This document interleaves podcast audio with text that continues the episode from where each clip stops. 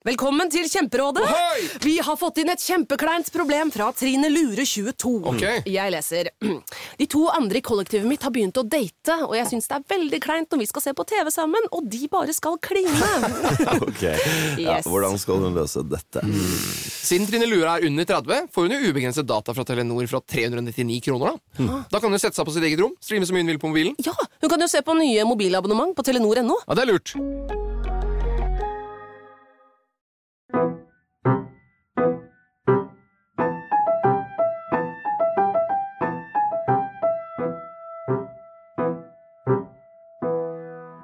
Hei og velkommen til podkasten Frilanslivet, en podkast av meg, Hanna von Bergen, og min kollega Kristina Skreiberg. Vårt mål med denne podkasten er å være en faglig og inspirerende kanal for alle dere som jobber for dere selv i medie-, kunst- og kulturbransjen.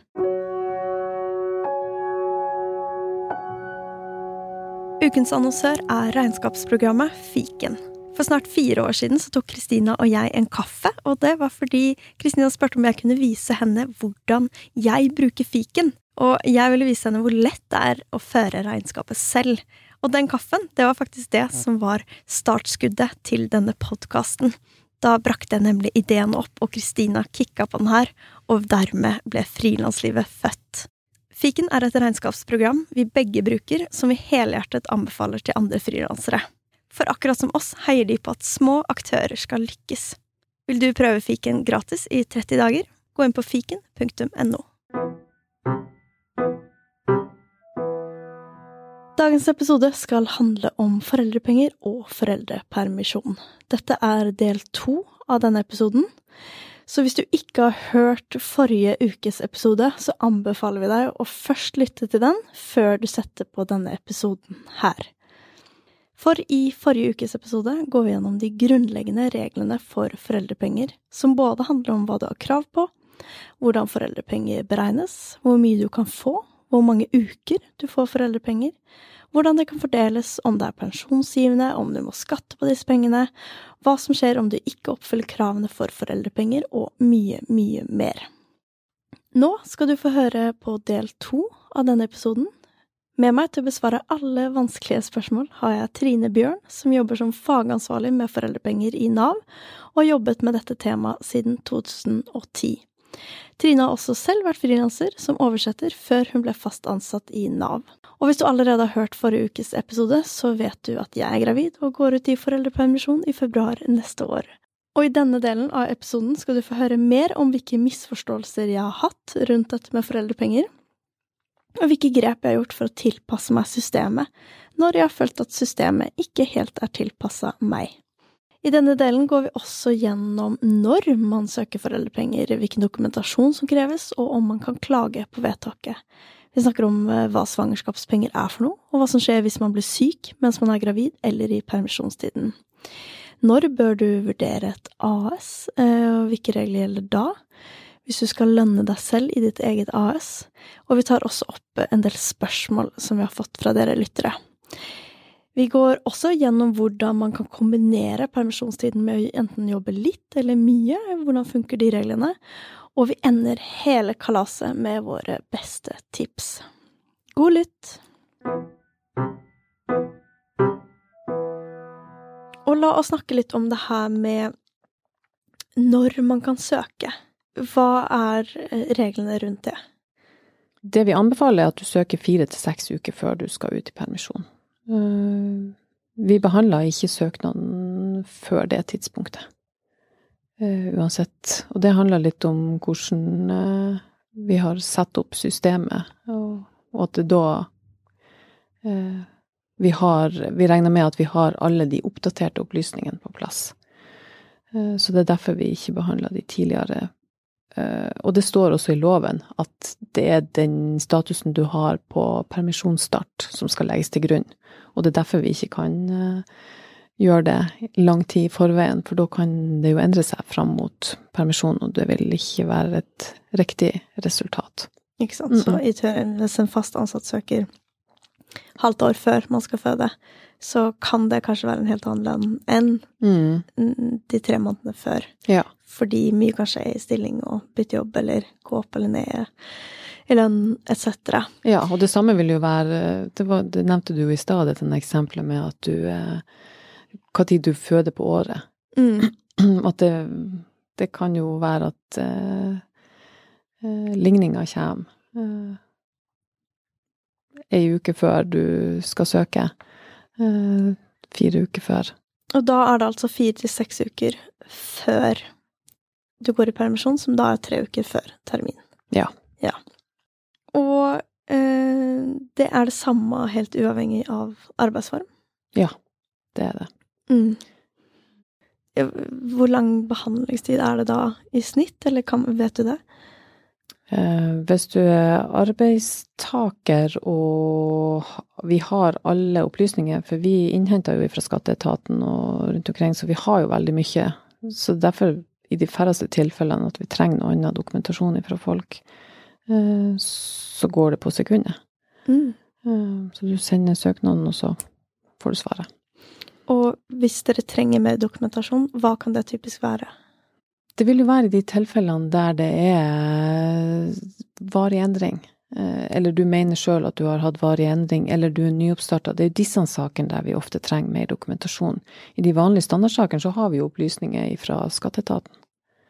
Så da har vi jo de, siste, de tre siste ferdiglignende årene, hvis du er selvstendig næringsdrivende, og da kan vi behandle saker like fort. Ja, og da er vel et tips å kanskje være litt forberedt på eventuell dokumentasjon som du må sende inn. Mm. Som type kan være regnskapet ditt fra det året du er i, eller siste året. Eh, kanskje du allerede da har hatt en prat med regnskapsfører, eller fått på en måte gjort ferdig regnskapet.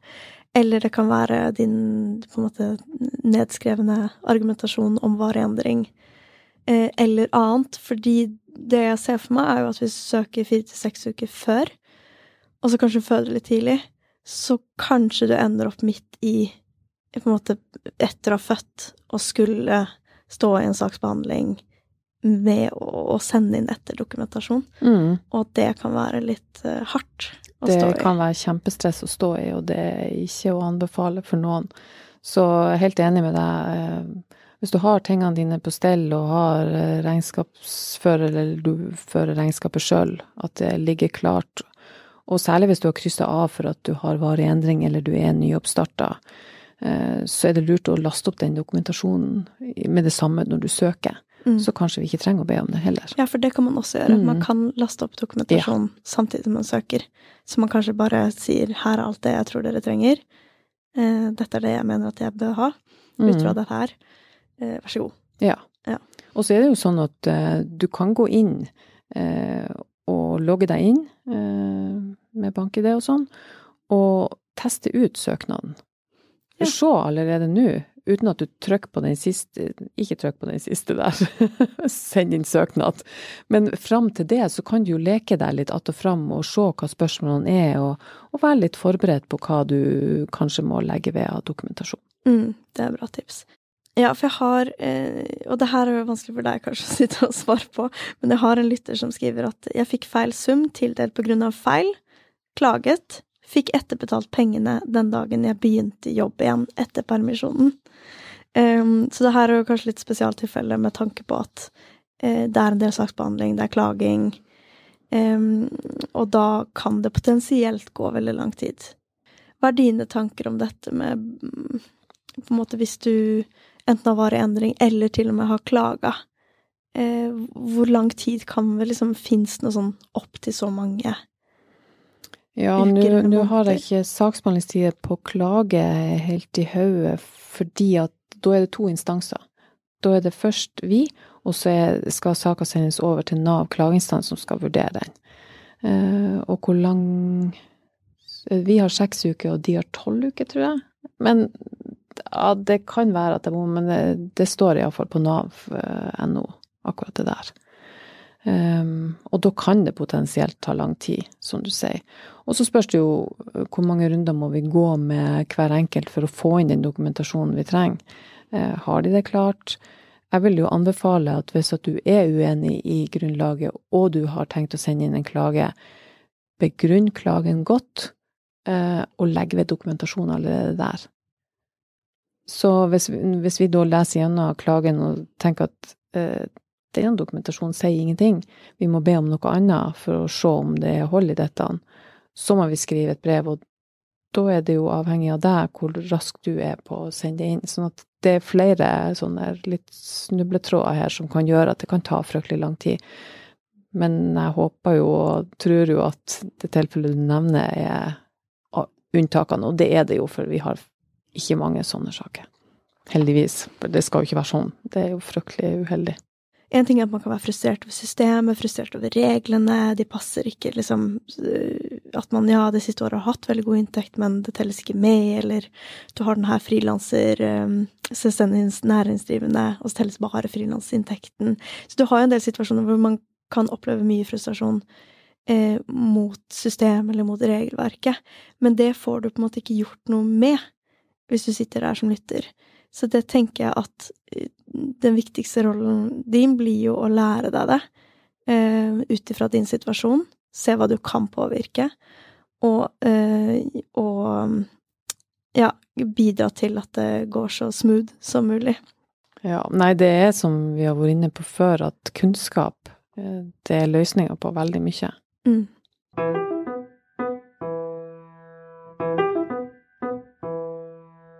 Jeg tenkte at jeg skulle nevne hvordan situasjonen er for meg, fordi jeg fikk meg en overraskelse når jeg skulle orientere meg om hva beregningsgrunnlaget for min foreldrepermisjon uh, skulle bli. Så Jeg har et uh, enkeltpersonsforetak, og de siste tre årene så har jeg nesten bare hatt all inntekt fra enkeltpersonsforetaket mitt. Og jeg, som nevnt, føder i mars 2023. Og jeg trodde først så trodde så det her var første eh, forvirring, eller eh, Jeg tenkte at eh, man beregna fra de siste tre åra. For det, det, er det man har hørt litt sånn. Ja, men det er de siste tre åra. Jeg hadde ikke catcha at det var de tre siste ferdiglignende åra. Så jeg har jo i tillegg tatt en del ekstra oppdrag i år, og var liksom så fornøyd at jeg i år har hatt skikkelig god inntekt. Ja, og jeg har steget litt sånn gradvis, så jeg tenkte sånn, det blir bra og representativt at det blir 2020, 2021 og 2022. Men så telles ikke 2022, men 2019. Så det var liksom den første overraskelsen eh, jeg fikk. Eh, og siden jeg føder i mars, så vil jo heller ikke skatteoppgjøret som man sender inn 31. mai og får tilbake i mellom, hva er det, august og oktober året etter, eh, så vil jo ikke det ha noe å si heller, for det er jo en del måneder før det året kunne bli tatt med. Eh, og så tenkte jeg at eh, det går bra, fordi 2022 har vært en eh, mer enn 25 eh, økning i inntekt. Så det var andre, andre stedet jeg tok feil. Tenkte at eh, da gjør det ikke noe, for da kan det telles med isteden. Og så, så chatta jeg med Nav, eh, og fikk opplyst om at det Eh, og nå er det jo egentlig to ting da som jeg tok feil på, for jeg trodde at det var bare så lenge det var 25% bedre inntekt i år eh, enn 2019, for jeg tenkte sånn sammenligna 2022 sammenlignet med 2019. Eh, men det er jo ikke en varig endring, som vi snakker om. Det er jo bare en inntektsendring, men ikke en varig endring i innholdet. Og i tillegg, hvis man går over 6G, som jeg har gjort det siste året, som jo er kjempebra, jeg synes jo, og det syns jeg er helt riktig at man har et tak, men da vil man ikke Så hvis du har hatt en varig endring, eh, og 25% endring i inntekt, eh, men du havna over 6G, så vil ikke det regnes med. Og det var det her var liksom det ja, tredje da, eller fjerde eller femte på en måte feiloppfattelsen. Fordi eh, da kapper man liksom det. Så, og jeg trodde at man sammenligna 2022 med 2019, men det man gjør, er at man da, hvis jeg hadde hatt en vareendring, endring i inntekt, så hadde man sammenligna 2022 mot gjennomsnittet av de tre siste ferdiglignende åra. Så mot gjennomsnittet av 2019, 2020 og 2021. Men siden man da hadde, hvis man kommer over 6G, som jeg har gjort i mitt tilfelle, så vil ikke det kunne på en måte sammenlignes, fordi da kutter man regnestykket. Så uansett om det tjener to millioner i teorien, eh, så vil ikke det på en måte bli regna med.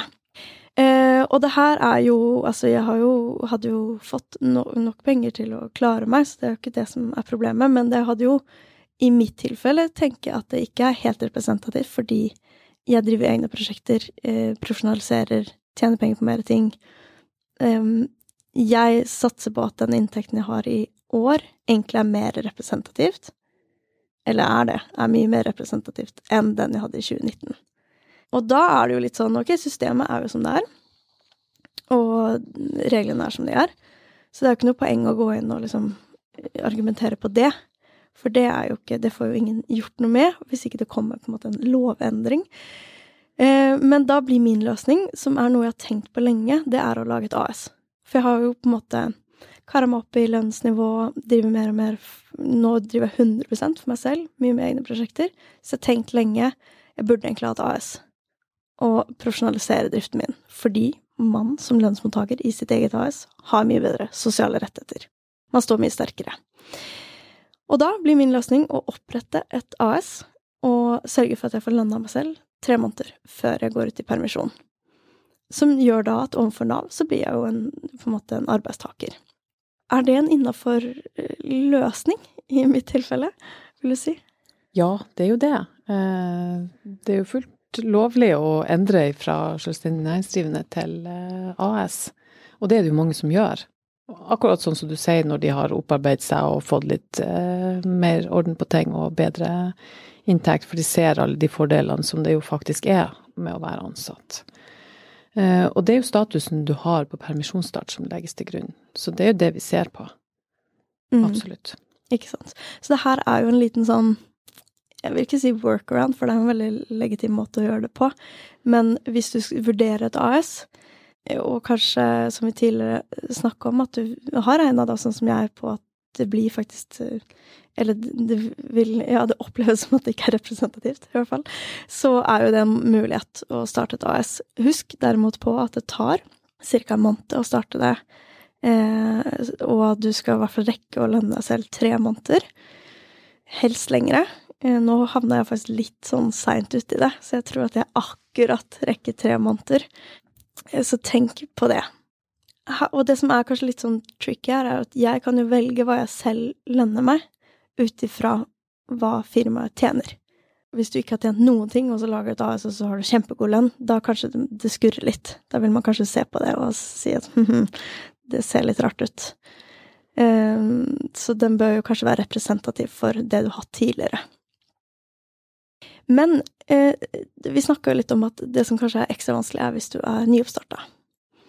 Eh, hva hvis du eksempel nettopp har gått fra å være ansatt til å starte eget, eller fra student til å starte eget, og dermed så har man ikke inntekt per dags dato.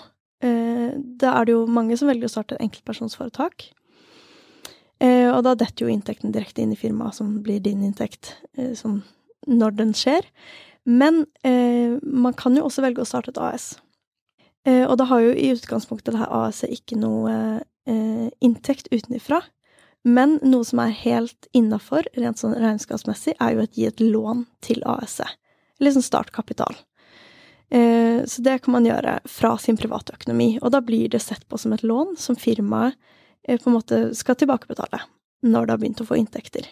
Og det har jeg egentlig lurt veldig på. Kan man starte et AS, låne AS-et penger fra sin privatøkonomi, og bruke det til å utbetale seg lønn for rett og slett å ha, sikre seg eh, sånn at man er lønnsmottaker også i den her på en måte startperioden. Og det her kan jeg tenke meg også gjelder hvis du har et AS og mm, drifter det i kultursektoren, du gjør mange ulike typer oppdrag, egne prosjekter, men så kanskje du skal skrive bok eller skrive en forestilling eller noe som krever mye tid, men ikke inntekt på kort sikt, det er inntekt på lang sikt. Så du kanskje bruker nesten en investeringsperiode um, som det i utgangspunktet ikke har så mye ekstern inntekt. Og jeg vet, det er jo vanskelig for deg å svare på liksom, hva er regnskapsspørsmål og hva er Nav-spørsmål, men vil Nav se noe på hvor inntekten i firmaet kommer fra, eller kun på utbetalingen og lønnsslippen?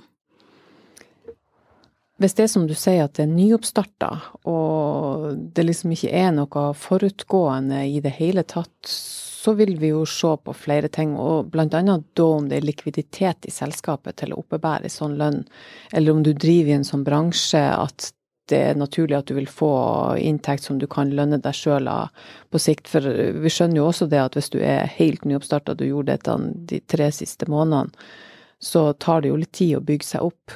Eh, men du må kunne dokumentere at dette er legitimt, og at det vil være mulig å leve av det på en sånn måte framover også. Mm. Um, Ja, at det ikke bare er liksom luft. ja, Ute i at det ikke er et luftslott, Ja, liksom. og for å Mm. konkretisere det, min samboer har jobba ti år i spillbransjen som fast ansatt. Flytta med meg fra Sverige til Norge. Eh, sakte på jobben sin og starta eget eh, spillutviklingsselskap sammen med tre-fire tidligere kollegaer. Eh, hvor de bruker ca. et halvt år på å lage en prototype som så pitches inn til masse forleggere. Og det her er en bransje med ganske god økonomi. De er veldig seniorutviklere, har godt nettverk, kontakt med flere forleggere allerede. Ehm, kan man på en måte da holde det som argumentasjon, skjønner du hva jeg mener? Ja.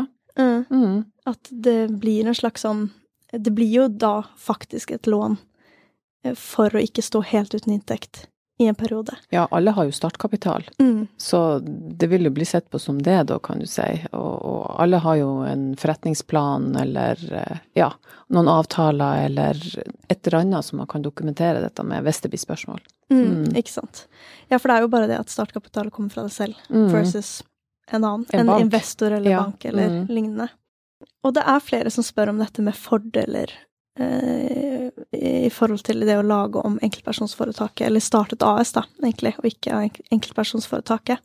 Og så har jeg fått et spørsmål når er det for seint å gjøre det?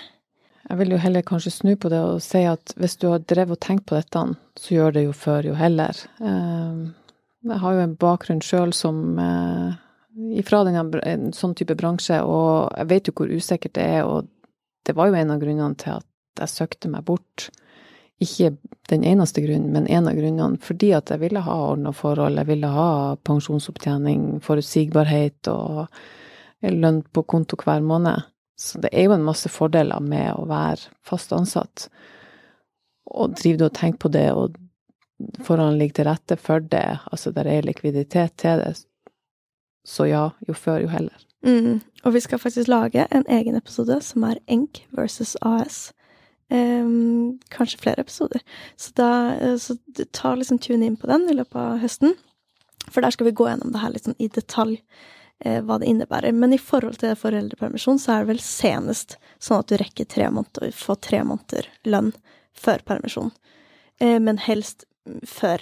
Ja, og at du si. har alle planene klar, og at du har dokumentasjon å, å, å vise til.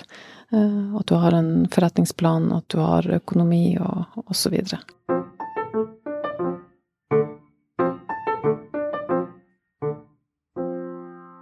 Og nå eh, skal vi snakke litt om det her med eh, sykdom, fordi hva skjer om du er selvstendig næringsdrivende, og så blir du syk mens du er gravid? Ja, hvis du blir syk mens du er gravid, hvis du blir syk sjøl, så vil du jo ha rett på sykepenger. Eh, hvis det er forhold på arbeidsplassen eh, som gjør at du ikke kan være på arbeid, så er det svangerskapspenger som er riktig ytelse. Mm, kan du fortelle litt om eh, svangerskapspenger, og når man på en måte har rett på det? Ja, svangerskapspenger er en ytelse som gis til friske gravide kvinner eh, som må slutte i arbeid fordi at det er forhold på arbeidsplassen som kan eh, være farlig for fosteret, kan føre til skade. Eh, Man kan si det litt sånn enkelt at eh, frisk gravid, men sjuk jobb. Et typisk eksempel er en hovslager som ikke kan være på jobb fordi at det er fare for spark mot magen. Eh, Da kan man få eh, svangerskapspenger. Mm. Og det, svangerskapspenger er regulert i arbeidsmiljøloven, egentlig, men det er vi som, eh, i Nav som forvalter det, så folketrygdloven har også noen bestemmelser på det. Men det er jordmor eller lege som gjør den medisinske vurderinga, og som fyller ut den første delen av søknaden, kan du si. For det er et skjema fra arbeids... Ja, nå datt nå det ordet ut. Arbeidstilsynet som brukes når man søker. Mm, Man søker sjøl på et eget skjema, og så legger man ved dette skjemaet fra eh, Arbeidstilsynet, Ikke som jordmor har fylt ut. Og da er det den medisinske vurderinga som ligger til grunn, og så er det også en bit som hvis du er ansatt, så er det arbeidsgiver som fyller den ut. Er du selvstendig næringsdrivende, så er du sjøl som fyller den ut. Og det går på at det skal gjøres en vurdering om det kan tilrettelegges, om det er en andre oppgave du kan gjøre isteden. Og da er det Men selv om du er selvstendig næringsdrivende, så må du på en måte få legen eller jordmor til å sende den inn. Nei, du, du, tar den med deg. Altså, de Ja. skriver den ut til deg. Ikke sant? og har fylt ut sin del, og så skal du fylle ut en del, og så skal du sende den, laste den opp som vedlegg til søknaden Ja, skjønner. skjønner. Mm, mm. Og én ting er de her sånn tydelige eksemplene når det er noe veldig fysisk, men eh, hva hvis det handler mer om det mentale? At du har en ganske stressende eller høyprestasjonskrevende jobb, eller Og jeg tenker at i kultursektoren så er det jo eh, det kan jo oppleves veldig krevende å være høygravid og for eksempel ha masse forestillinger, eller eh, ja, si at du er danser, altså som Men så kanskje for noen så går det bra, men for noen så går det ikke bra. Tenker, hvordan skal man forholde seg til den i de litt mer sånn gråsoneeksemplene? Ja, det, alle disse vilkårene eh, finner man i arbeidsmiljøloven, så der står det, og der står det også om stress og belastning og, og alle disse tingene. Men det er jo jordmor eller lege som gjør den vurderinga, og kan si noe mer om akkurat det. Eh, For vi skal ikke vurdere de medisinske vilkårene. Vi skal vurdere at den vurderinga er gjort, for å si det litt enkelt. Ja. Mm. Så hvis du går med bekymring i forhold til å kunne jobbe med det du jobber med, em, så snakk med jordmor eller lege, blir vel egentlig svaret da. Ja. Og her vet jeg at det er veldig forskjellig, fordi jeg går eksempel på et keramikkurs på hobbybasis, og der eh, er det jo en del kjemikalier i glasur, eksempel, og der vet jeg at jordmor, eh, min jordmor, har sagt at noen eh, keramikere eh, har eh, fått svangerskapspenger pga. på grunn av kjemikalier, eksempel, mens andre har ikke villet gjøre det, eller ikke eh, vært bekymra, og det fins ikke noe tydelig forskning. Så, det er, så jeg tenker at her er det litt um, um, Det er litt sånn situasjonsbasert, og kanskje hva du selv opplever, men snakk med lege eller jordmor. Absolutt. Kjempeviktig å ha en god dialog der. Og så lurer jeg litt på, hvis man eh, er fast ansatt, så vil jo kanskje arbeidsplassen tilrettelegge for deg som gravid, i forhold til hvor mye du, hvor høyt du kan prestere, eller om du skal gjøre alle oppgaver, eller kanskje får inn hjelp på noen ting. Har man noe ressurser hvis man driver for seg selv, enten hvis man har et eget AS eller firma, eller enkeltpersonsforetak, eh, som man kan søke om for tilretteleggelse, som ikke er det her at du får svangerskapspenger eller blir syk, sykemeldt. Nei, det kjenner jeg ikke til. Nei. Nei.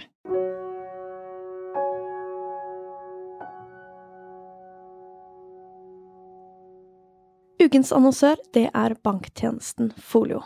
Med stiftemaskinen fra Folio så kan du på under fem minutter opprette ditt eget AS. Her får du gjort hele jobben med å stifte ditt eget aksjeselskap på ett sted. Du mottar bedriftskonto med en gang, noe som hos tradisjonelle banker kan ta ukevis, og Folio loser deg gjennom noen enkle steg, og du mottar SMS når du må gjøre noe. Superenkelt! Sjekk ut stiftemaskinen.no for mer info.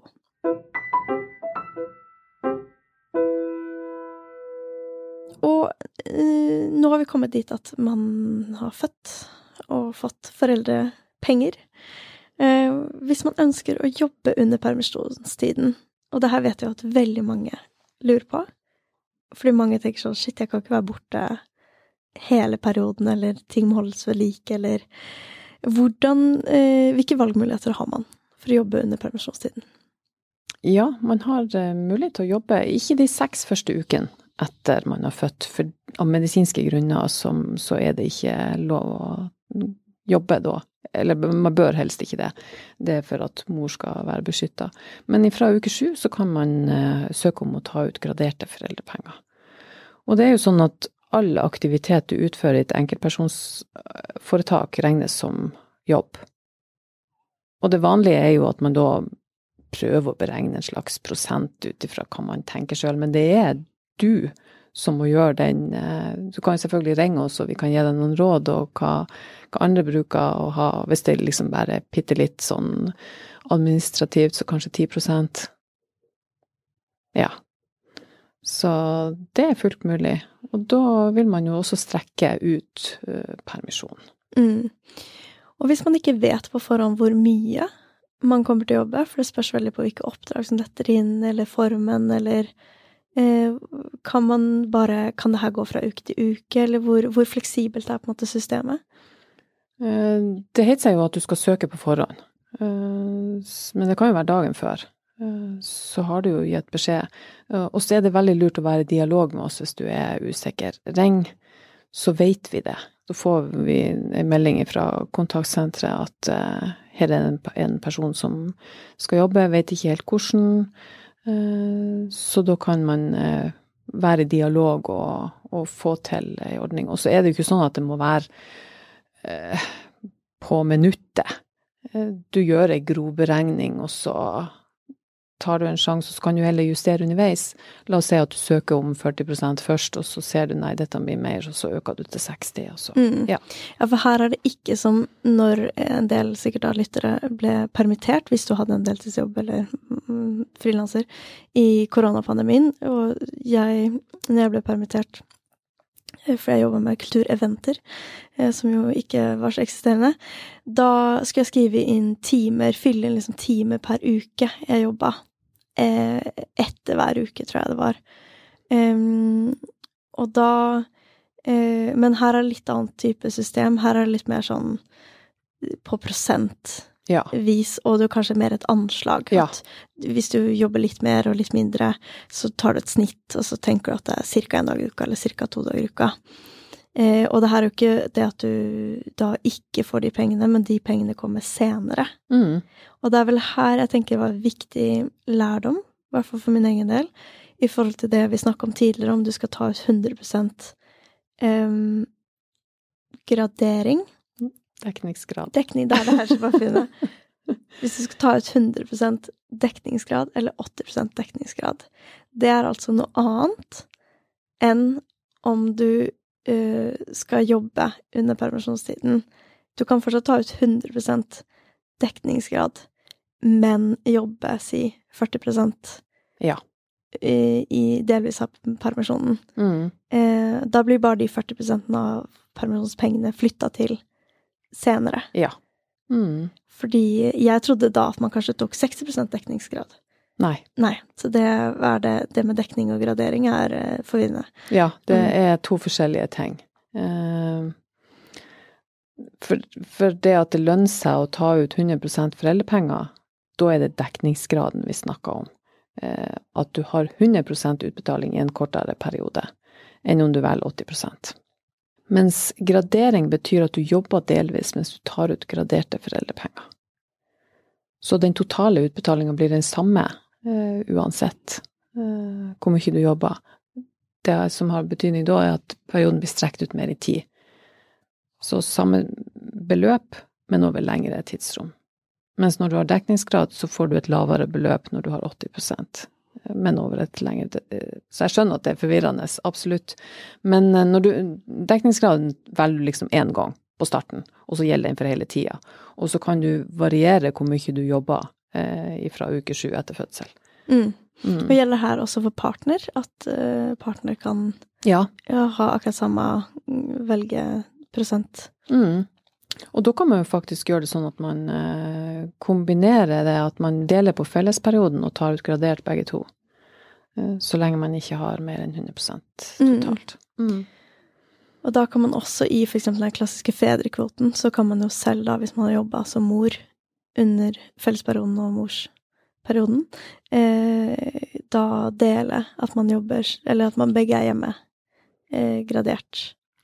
Ja, men hvis du har brukt opp alt det, hvis du har tatt ut hele mødrekvoten, hele fellesperioden, så har du ikke mer igjen. Nei, men hvis man jobber f.eks. 40 eh, under permisjonen Ja. Mm da kan man jo strekke det over lengre tid, og da kommer du kanskje inn i det som var tenkt oppstartstidspunktet for fedrekvoten, og da kan man uh, ta litt hver. Ikke sant. Mm. Der tror jeg en del uh, For jeg vet at det er mange par i kultursektoren som kanskje er to kunstnere, eller, eller også i mitt tilfelle at vi er to som driver for seg selv.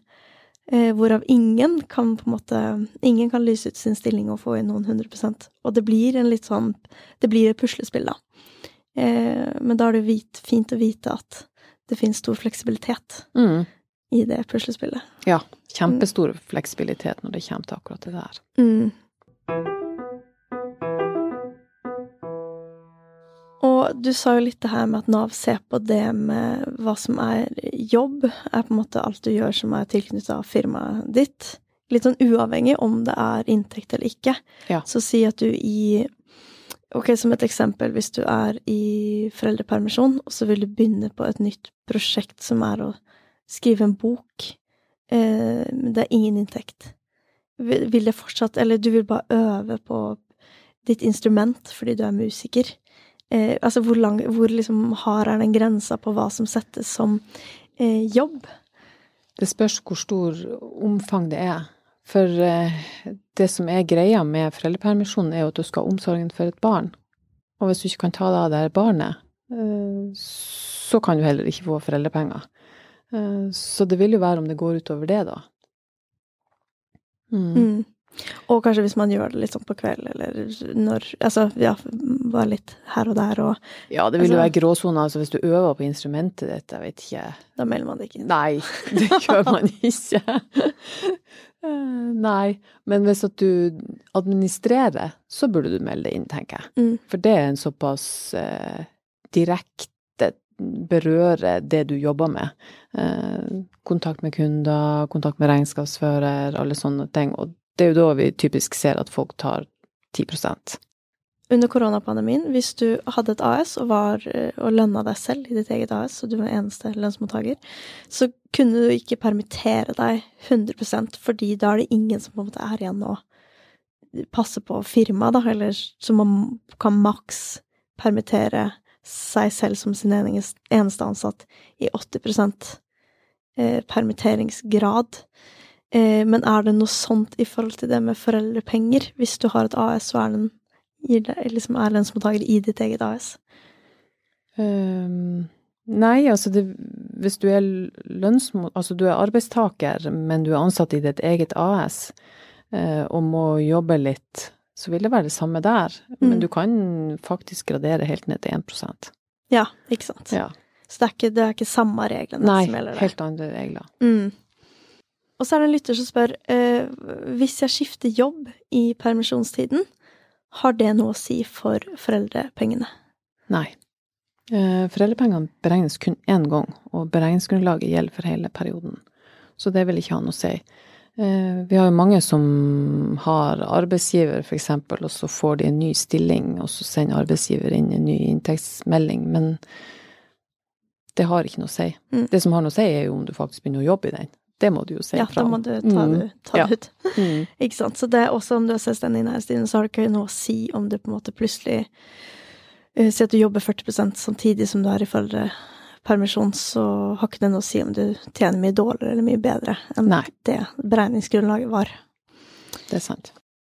Og så har jeg fått noen spørsmål um, som jeg tenkte jeg skulle ta, gå gjennom, som lyder som følger.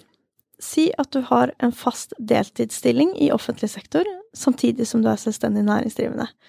Du ønsker å jobbe 20% som selvstendig næringsdrivende, men være 100% i fødselspermisjon fra stillingen i offentlig sektor. Hvordan går man frem? Ja, det du da gjør, det er at du søker om gradert uttak. Og sånn som reglene er i dag, så kan du bare ha gradert uttak fra ett arbeidsforhold eller én type eh, virksomhet. Sånn at da søker du om eh, enten eh, gradert uttak fra selvstendig næringsbiten eller ifra den faste stillinga di. Men hvis du da ønsker å jobbe som selvstendig næringsdrivende, så vil du søke om gradert uttak der. Og så løper den permisjonstida ut ifra det som du søkte om på stønadsstart, til det som er sluttdatoen for den, eh, parallelt med det graderte uttaket ditt. Mens det, eh, den biten som gjelder selvstendig næringsdrivende, vil løpe enda lenger. Ikke sant? Så hvis man tar ut 100% og det egentlig er 49 uker, da, men det er med Mm. fedrekvoten, men Ja. bare for en- enkelts skyld, 49 uker, eh, så stopper den der, men så vil den fortsette hvis du har vært i permisjon 50 fra selvstendig næringsdrivende og jobba 50% så Mm. vil den på en måte bli dobbelt så lang, eller Ja, en del lengre. Ja. Mm. stemmer. Så er det en lytter som spør eh, jeg lurer på når kalkulatoren for selvstendig næringsdrivende kommer, slik den er for andre aktører på Nav.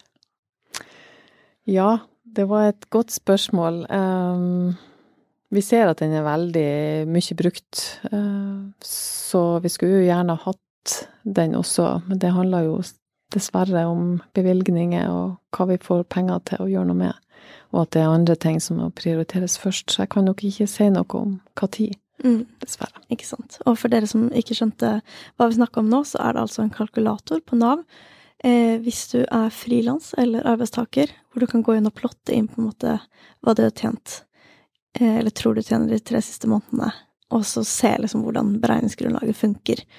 Og også kunne se i forhold til hvilke uker du tar ut, og, som er veldig nyttig. Så, da, ja, så det er et ønske fra oss selvstendig næringsdrivende. Det skal jeg ta med meg. Mm. Velkommen til Kjemperådet! Yes. Denne gangen har vi fått inn et kjempedilemma fra en familie. Okay. Jeg leser Hei, vi er litt uenige i familien her. Mm. Hvis du skulle vært et dyr, ville du hatt gjeller eller vinger? Oi, den er tricky. Ja, hva ville dere hatt da? Altså, jeg vet ikke, men Med familierabatt får de ubegrenset data fra Telenor fra 399 kroner. Da kan de jo scrolle seg til svaret, rett og slett. Ja, ok, Men for min del Ja. gjeller. Nei, nei, Gjeller. Nei. nei, vinger. Nei, nei, Ja, gjeller. ja, kjempebra. Men uh, se nye mobilabonnement på telenor.no, da.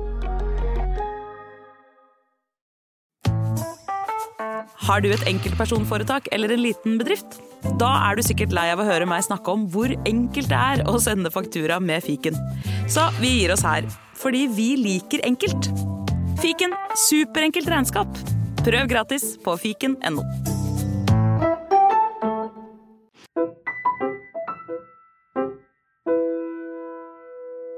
Og vi var litt inne på det med sykdom, men hvis du er sykemeldt, hvis du da har vært selvstendig næringsdrivende, så har du på en måte ikke samme rettigheter som en fast ansatt når du blir sykemeldt, og det er jo ikke ditt på en måte fagfelt, det med sykemelding, eh, regner jeg med. Eh, så jeg husker ikke det i hodet nå, men det er en forskjell på som er mindre når du er selvstendig næringsdrivende. Ja, det stemmer, og sånn var det jo når jeg òg var selvstendig næringsdrivende. Men igjen, hvis du da hadde sett deg inn i at det finnes ei forsikring du kan eh, søke om å, ha, eh, for det finnes på, på sykepenger enda. Mm, og det gjør det. Men jeg vet at den er opp til jeg tror det er 10% av inntekten du får, så det er ganske sånn, du må ha ganske god inntekt for å Det er litt det samme som for å lage AS, må du også ha råd til å betale eh, 14,1 i Mm. arbeids... Eh. Ja. Eh, sånn at eh, jeg vet at veldig mange At veldig mye forskning viser at veldig få har denne forsikringen. Eh, men hvis man da har vært sykemeldt, for du har jo fortsatt rett på Ja. eh, sykepenger som selvstendig næringsdrivende, eh, da spørs vel det litt eh, hvordan det vil påvirke foreldrepengene. Kan du nevne noen eksempler? Ja, det, er- det er jo sånn at eh, vi fastsetter beregningsgrunnlaget på nytt når du går ut i foreldrepenger, men vi ser jo selvfølgelig til hva du fikk beregna på eh, sykepenger. Og beregningsgrunnlagene kan jo være lik, eh, ganske like, men det som er forskjellen er jo at du får jo dekt 100 av beregningsgrunnlaget på foreldrepenger, mens du får kanskje noe mindre på sykepenger. Så utgangspunktet vil være det samme, selv om utbetalinga varierer. Mm. Vil det å bli syk på en måte anses som en varig endring? Nei. Nei. Så da kan det hende at du kanskje har vært syk det siste året, men det er de tre siste ferdiglignende årene som telles, og sånn sett så er ikke den perioden med. Men hvis du har vært syk over lengre tid, så vil kanskje det få utslag for foreldrepengene.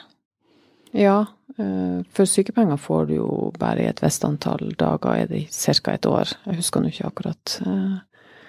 Eh, Så hvis du har vært syk enda lenger enn det, så er det klart at det vil eh, påvirke. Eh, Men en, en, ting som vi var innom litt i stad, dette med hvis du ser at du ikke kan jobbe fordi at det er fare for fosteret. Jeg bare understreker enda en gang at det er så utrolig viktig med den dialogen du har med lege eller jordmor, og tilrettelegging og disse tingene, at du ikke bare tenker at du skal trappe ned fram mot uh, permisjon, og så har du mindre inntekt. For det er det du har på det tidspunktet du går ut, eh, vi ser på, og der har vi sett mange. Og det er særlig kanskje studenter som har en deltidsjobb, og så tar de ikke de vaktene. Mm. Ja, for det er da, det er ikke de tre siste månedene du har lyst til å jobbe maks når du er gravid. Eh, men det er jo det som telles med, ja. Ja. Sånn at eh, jeg, ser, jeg kan også se for meg at veldig mange havner i en litt uheldig situasjon der, og at man Og kanskje når man selv velger oppdrag òg, hvis man er frilanser og mottar lønn, men Mm. velger oppdrag, så kan det jo godt hende at man ikke tar det største oppdraget, liksom, eller får. Kanskje folk tenker ja, men nå er du så gravid at det her prosjektet varer for lenge, at du, vi kan ikke bare ha med deg i oppstarten, eller Så det kan kanskje være vanskeligere for oppdrag også. Um, så jeg ser for meg at ja, man, mange kan jo komme litt uheldig ut av det, Mm. fordi man rett og slett tar det ganske rolig kanskje de siste månedene. Ja, og ikke tenke på konsekvensene av det, og at det finnes andre løsninger, andre ytelser. Og Mm. Så igjen, den dialogen med jordmor og lege om disse tingene er kjempeviktig. Ja.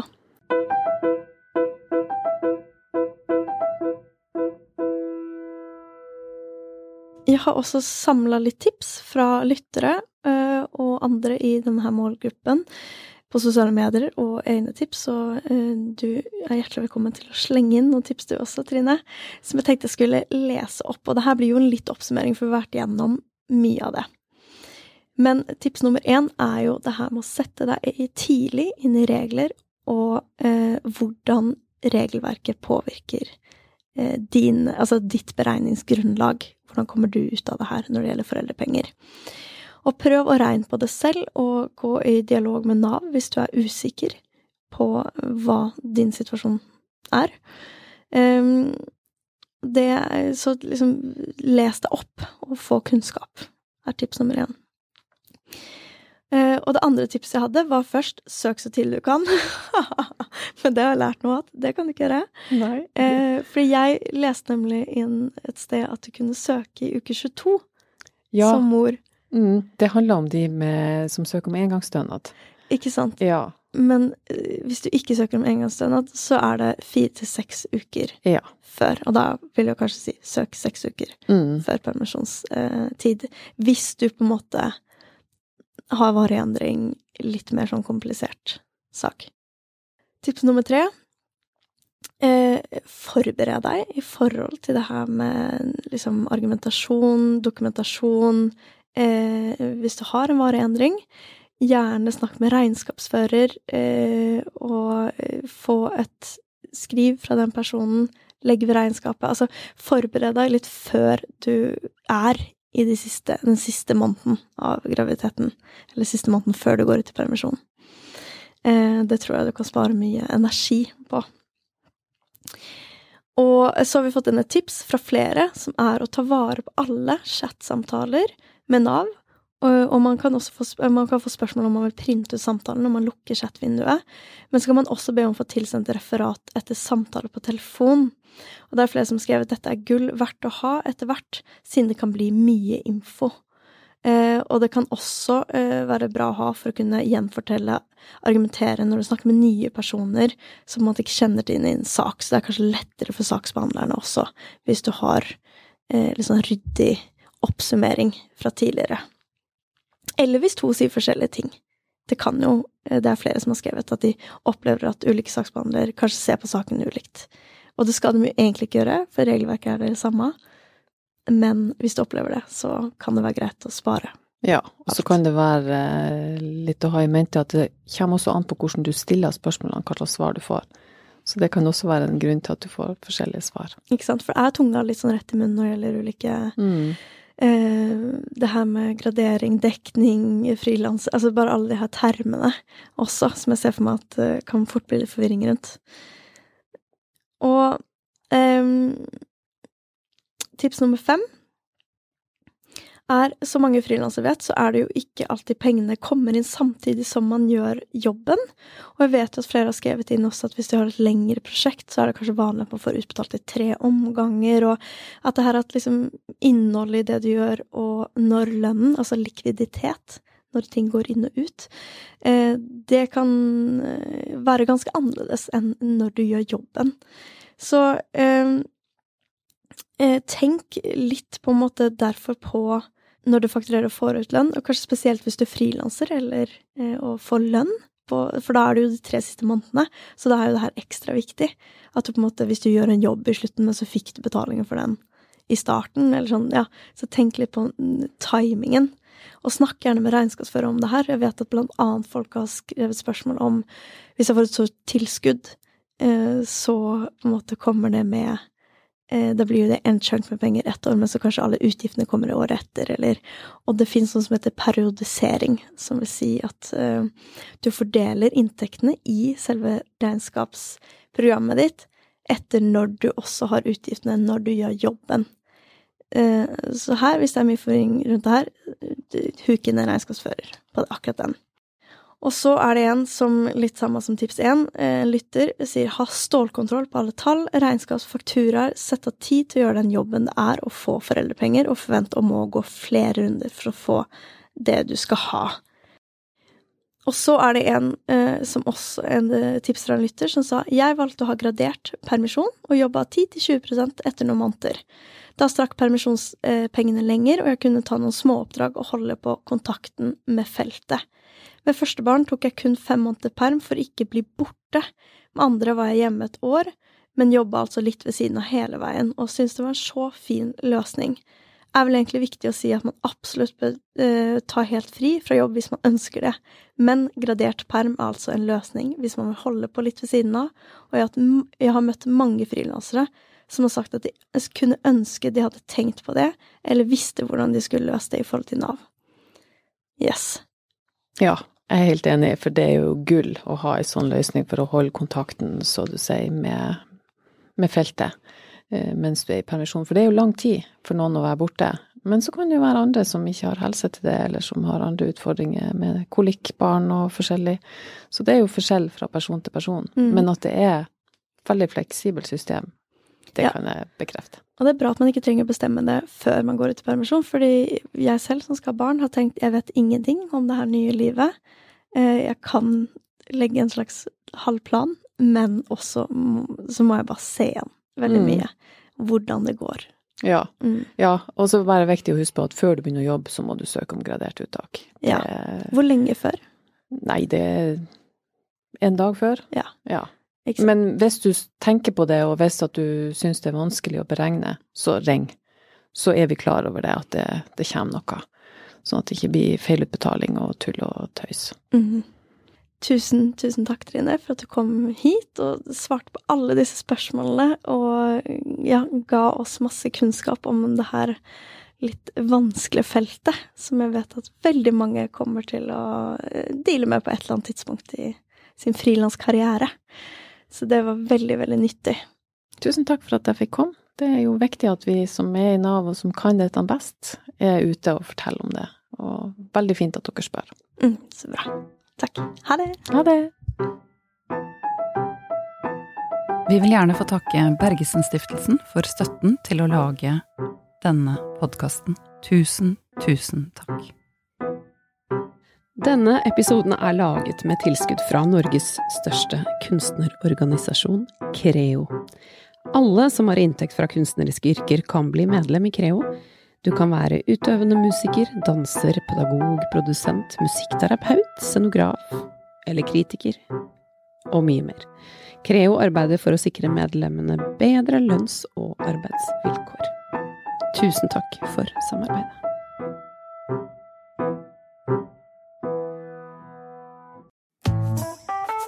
Har du et enkeltpersonforetak eller en liten bedrift?